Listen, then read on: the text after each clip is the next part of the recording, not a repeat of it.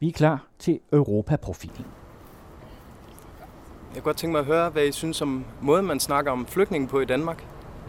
Øh, altså det er selvfølgelig ikke altid positivt. Det er jo tit negativt, det de snakker om, om flygtninge.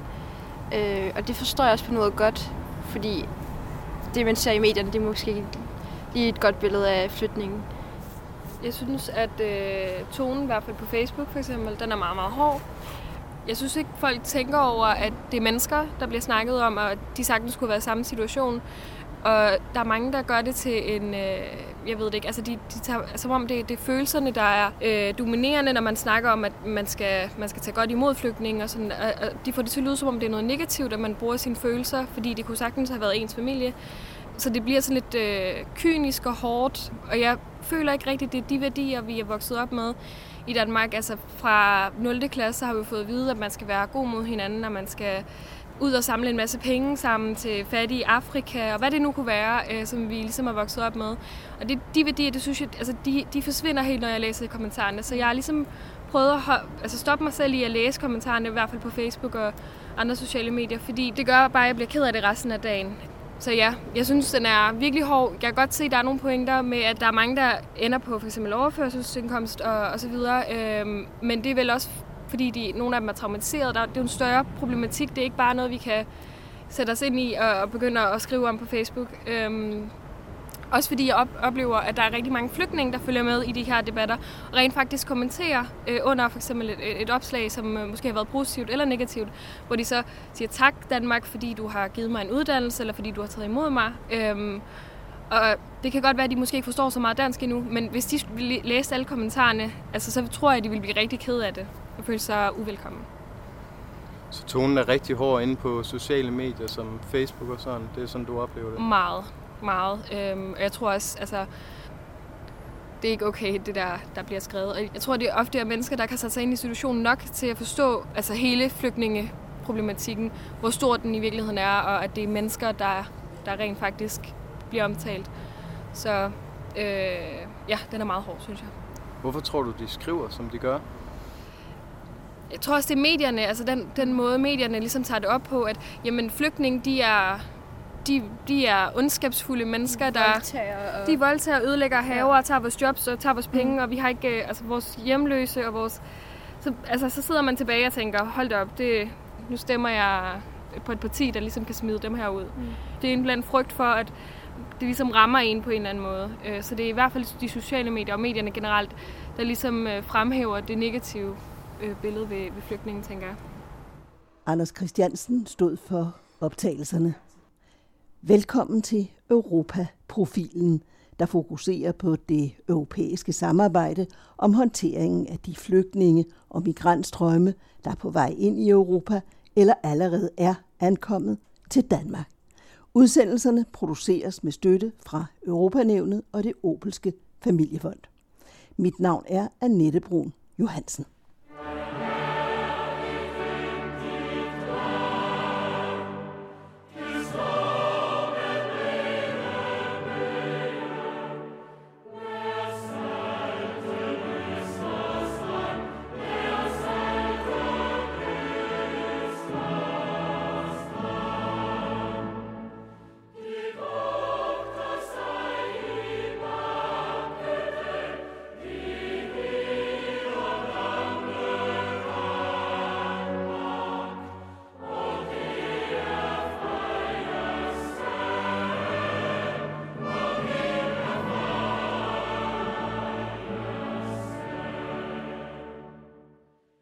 61 procent af danskerne mener, at tonen i udlændingedebatten er blevet for grov, mens blot 24 procent mener det modsatte, og de resterende ingenting mener. Det viser en megafonundersøgelse blandt godt 1000 danskere, offentliggjort i slutningen af august.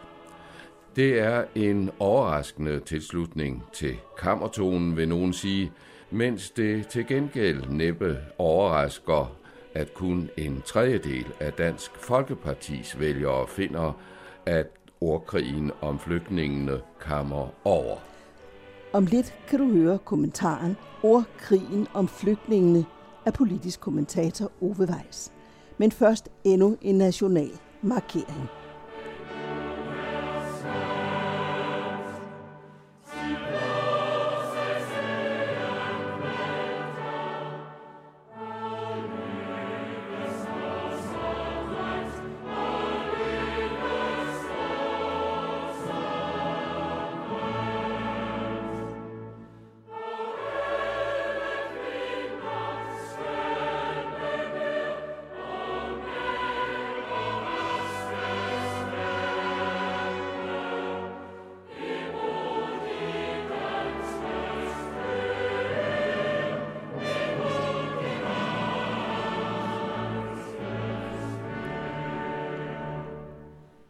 Krigen om flygtningene.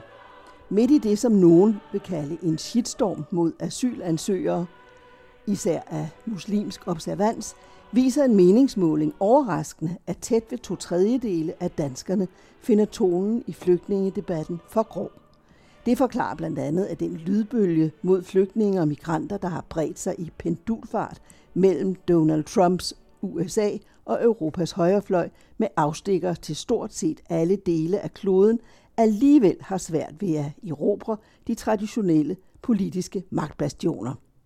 I de fleste europæiske lande, med Dansk Folkeparti som en af rollemodellerne, når de politiske ordkrigere sjældent over en vælgertilslutning på 20 procent.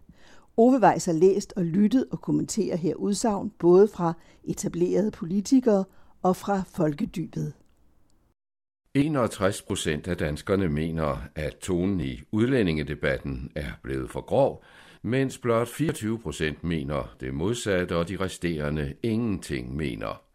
Det viser en megafonundersøgelse blandt godt 1000 danskere, offentliggjort i slutningen af august.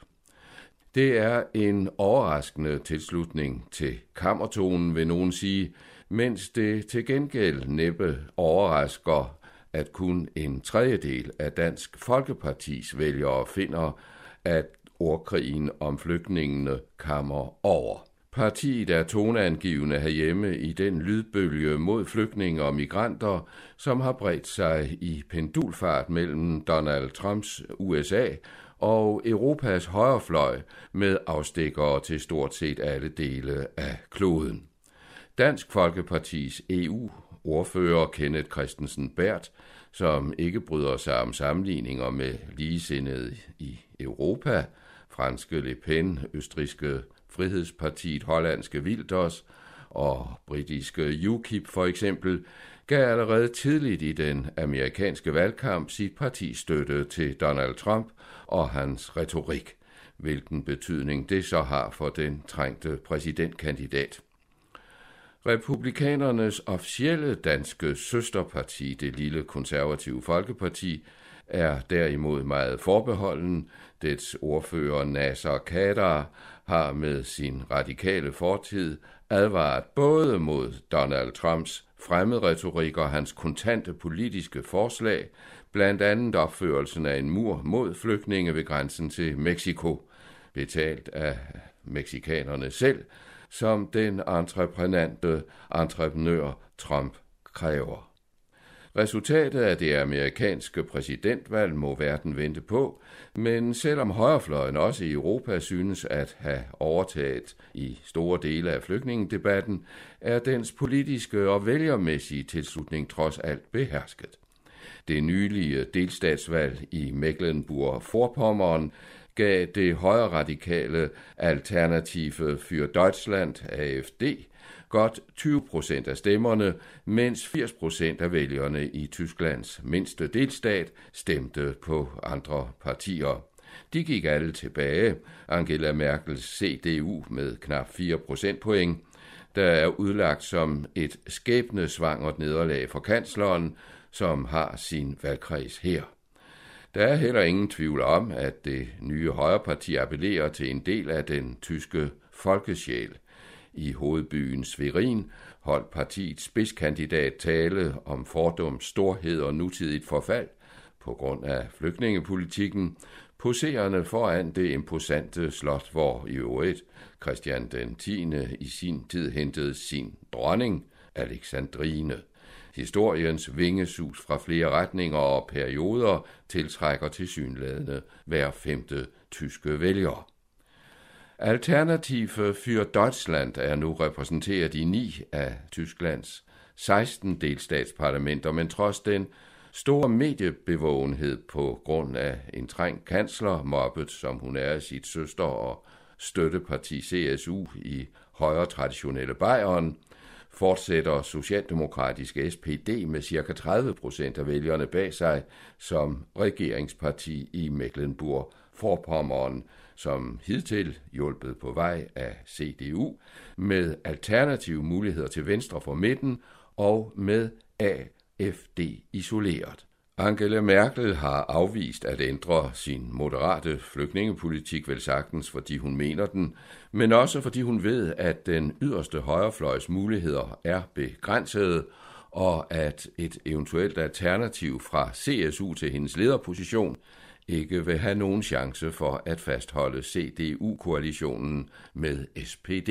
I både nordisk og europæisk sammenhæng fremhæves Dansk Folkeparti ofte som højrefløjens rollemodel, ligeledes med en femtedel af vælgerne, der sammen med de øvrige borgerlige partier med al respekt kun til sammen tæller 90 mandater og et flertal på blot et enkelt mandat, som meningsmåling efter meningsmåling til med fjerner.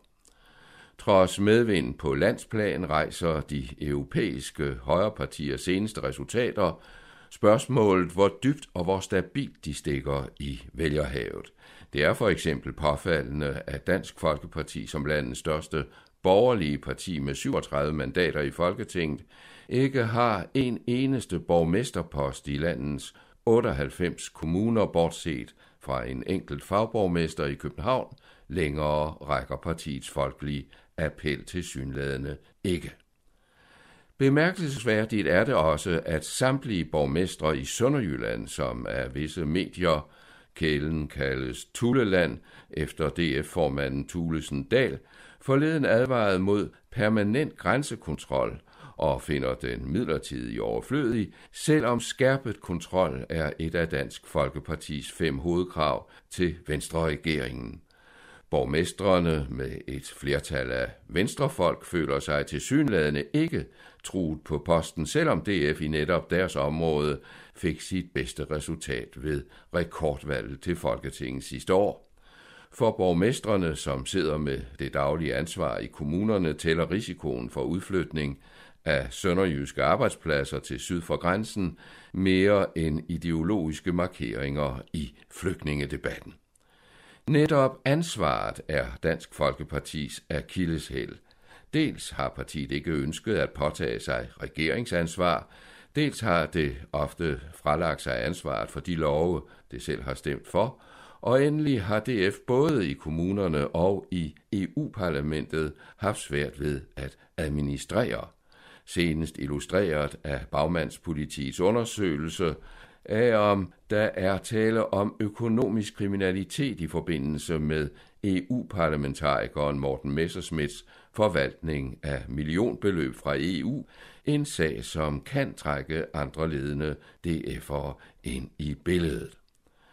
Også derfor er det forklarligt, at ikke blot Dansk Folkeparti, men også de øvrige højre bevægelser foretrækker ordkrigen mod flygtningene, især muslimerne, frem for egentlige politiske aftaler, som ofte ender i symbolpolitik uden større substans. Det er en strategi, som har givet den ekstreme højrefløj omkring en femtedel af stemmerne, men samtidig, som megafonmålingen viser, også fået op mod to tredjedel af befolkningen til at vende sig mod højre retorikken. Ekstrabladet, som ikke er sart, når det gælder verbale udskejelser, hentede forleden et eksempel fra et medie, en slags hjemmeside, kaldet Den Korte Avis, udgivet fra en dagligstue i Dragør af ægteparet Karen Jespersen Pittelkov. Anledningen til ægteparets overvejelser var den ulykkelige hændelse, hvor en 33-årig tysk kvinde blev dræbt af stenkast fra en motorvej, da hun sammen med sin mand og søn på fem år var på vej over Fyn. Hendes mand blev hårdt kvæstet, og deres lille dreng hentet hjem til Tyskland af knuste familiemedlemmer. Om tragedien skrev Jespersen Pilkov blandt andet. De dødbringende sten mod tysk familie fra motorvejsbro har krævet organiseret forberedelse. Måske er der endda inspiration fra islamisk stat. Og videre, citat, Den nye terror er rettet mod tilfældige mennesker i det offentlige rum, og den bliver gennemført af en eller få personer, som de lige har for hånden.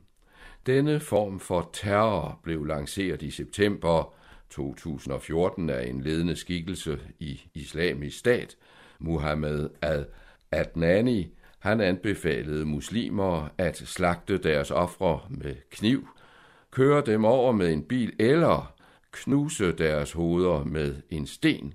Det kunne jo være på en motorvej, skriver ægteparet, som altså antyder at have identificeret gerningsmændene, en opgave, som politiet endnu ikke har løst i sagen fra Fyn, hvor man håber på DNA-spor.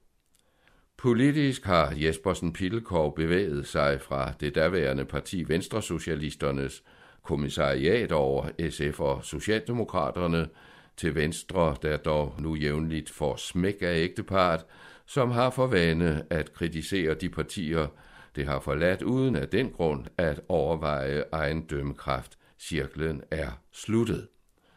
I øvrigt kunne Ekstrabladet have tilføjet, at de omtalte hjemmesider får en årlig offentlig pressestøtte på små 150.000 kroner, og at ægteparet ikke har fundet det betimeligt at indgå under pressenævnsordningen. De to redaktører har ved flere lejligheder tilsidesat copyright-rettighederne for både skrivende og fotograferende journalister.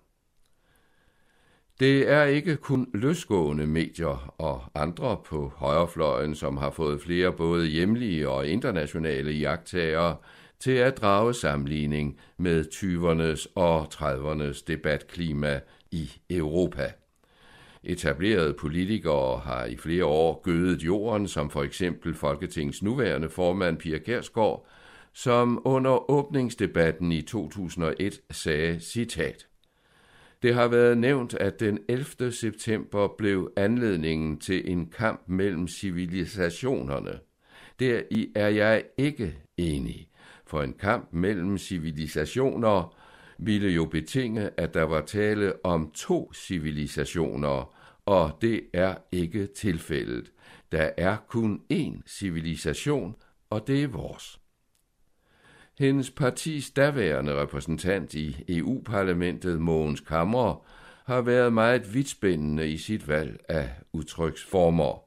Her et eksempel forud for folketingsvalget i 2007, hvor en kandidat fra enhedslisten blev kritiseret for brug af den muslimske hovedbeklædning hijab, citat, det er en syg idé og helt naturstridigt, at en fundamentalist med tørklæde skal være medlem af vores demokratiske parlament.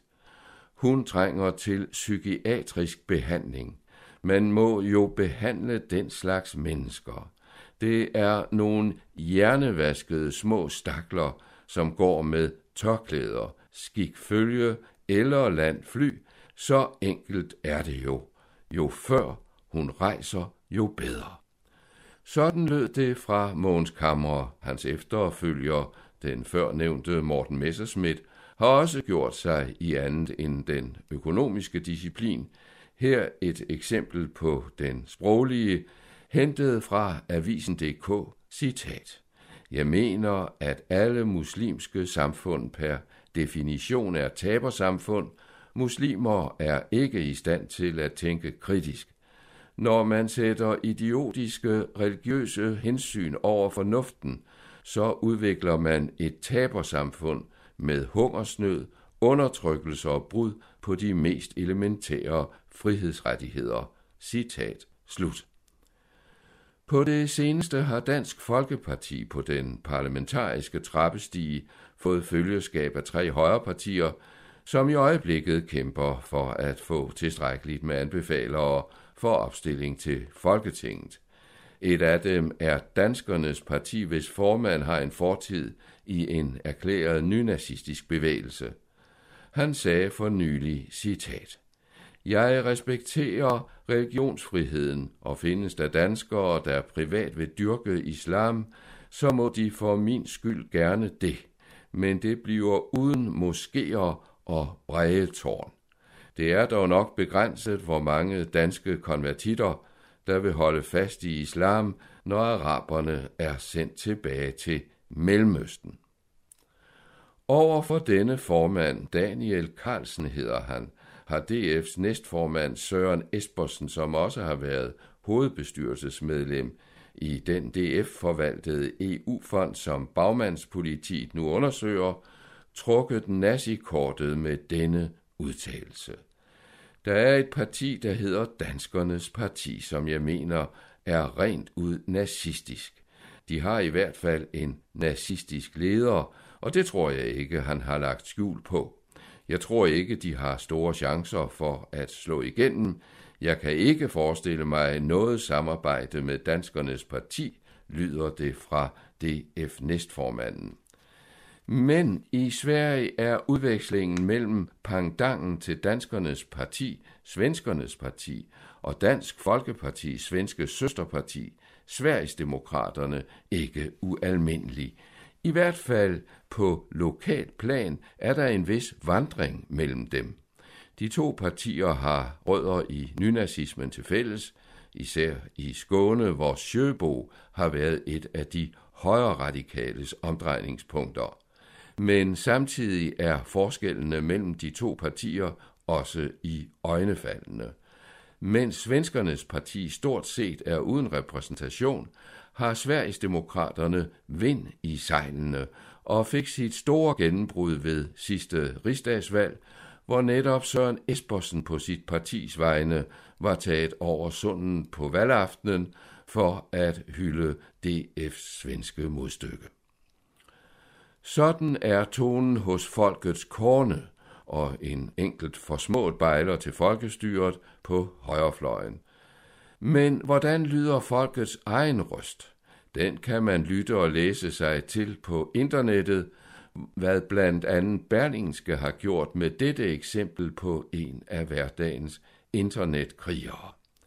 Niels Vestergaard Thomsen hedder han, er 40 år, veluddannet lektor i fransk og tysk og underviser på VUC, er tidligere formand for Dansk Folkepartis Ungdom i Aarhus, men finder i dag som akademiker DF for primitivt, som han siger. Så han vil stemme på nye borgerlige, hvis partiet bliver opstillingsberettiget. Han er vred på mange, blandt andre på venligborgerne, hvis navn dog ikke skal tages helt bogstaveligt, blandt de 10.000 af venligboere, som vil tage imod flygtningene med venlighed, er der opstået en uvenlig stemning mellem de københavnske, som vil gå den politiske vej, mens initiativtagerne Nordenfjords vil handle, som det vel kan udtrykkes, uafhængigt humanistisk. Lektor Thomsen har set sig vred på en almindelig dansk familie, der vil stille en såkaldt venlig bolig op til flygtninge i familiens baghave, så hans reaktion lød. Det er landsforræderi at hjælpe flygtninge her i landet. Den, altså familien, skulle skamme sig. Den hjælper fjenden med at erobre nyt område til islam. Føj, lød det. Og da en kvinde lidt efter gik i rette med hans sprogbrug, svarede lektoren, du minder mig om dem, som modstandsfolk klippede skallede, da krigen var slut. Altså en sammenligning med de såkaldte tyskerpiger. Og sproglektoren står ikke sprogligt isoleret. Da sangerinden Medina medvirkede i et program om syriske flygtninge i Jordan, blev hun blandt andet kaldt en falderet taberkælling, klam so, tomhjernet gås, landsforræder og medieluder.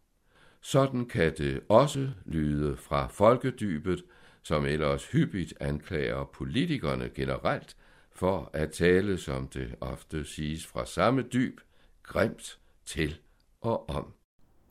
Du hørte politisk kommentator Ove Weiss. Og her til sidst endnu en vokspop, det er Anders Christiansen, der står for optagelserne. Europaprofilen produceres med støtte fra Europanævnet og det Opelske Familiefond. Mit navn er Annette Brun Johansen, og i redaktionen sidder i øvrigt Ove Weiss og Jørgen Johansen. Hvad er din oplevelse af, hvordan der bliver talt om flygtninge i Danmark? Det kan jeg ikke svare på enkelt. Så det er jo øh, generelt er det et, en meget hård debat. Ukærlig. Frygtfuld. Men når det er sagt, så ligger der jo også samtidig en omsorg. Vi har bare, bare svært ved at få de to ender til at mødes, ikke? Så mens man ser på den ja, store interesse, som hele temaet får, så det er også et udtryk for, at man øh, godt klar over, at, der er, at man må hjælpe. Så vi er fortabt i en eller anden form for forvirring, fordi vi aldrig har prøvet det her før. Rigtigt, for alvor. Uanset hvor skæng og tonen bliver, så tror jeg, når man snakker med de selv samme mennesker, så er der vel en dybest set et ønske om at hjælpe. Det er det sørgelige. Synes du, debatten ofte fortaber sig i, i andre aspekter end det medmenneskelige? Ja, det er en meget god måde at sige det på, synes jeg. Det bliver meget om, hvad vi har, og vores øh, velstand, og vores øh, anskaffelser i hverdagen, altså vores materielle forbundethed. Men det er også klart, når man ser de her, der kommer til landet, som Gud døde mig, er i en situation, som vi slet ikke kan forstå når de opfører sig som, på måder, som vi ikke er vant til, så skaber det forvirring og frygt. Og vi ser handlingen og dømmer den som værende umenneskelig, i stedet for at forstå den dybere årsag til, at det er sådan. Samtidig kan vi se vores egne unge rende rundt op i dyrehaven og svine den til. Dem, som vi kalder ressourcestærke, vores tids kommende virksomhedsledere. Dem, der kommer ud om tre år med en studenterhue på, som vi jubler og tilråber og synes er fantastiske. De er alle burde der vide noget andet.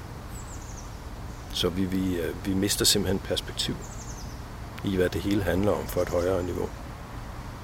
Så det bliver meget navlebeskuende og frygtsomt. Så det er sådan kollektiv, eller i den kollektive bevidsthed, det billede, der tegner sig af, hvad en flygtning er. Hvordan vil man karakterisere den skikkelse? Jamen igen, det er der jo...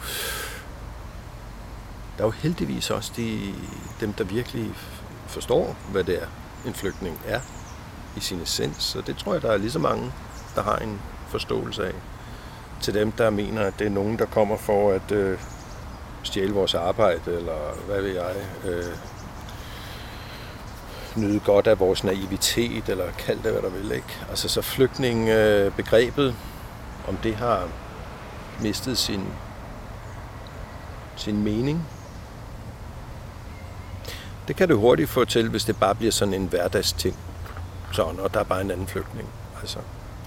Så derfor er det klart, at fra politisk side er det jo afsindig vigtigt, at vi, øh, dem som sætter tonen i Danmark, dem vi selv vælger, holder en, øh, en, en sober og intelligent debat omkring tingene.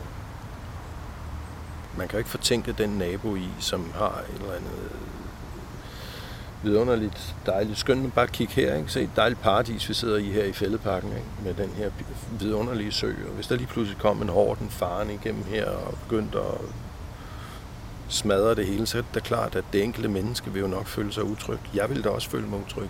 Så debatten foregår jo på mange niveauer, og derfor er det så vigtigt, at politikerne, som bør repræsentere det højere niveau, holder debatten der, og det gør de ikke.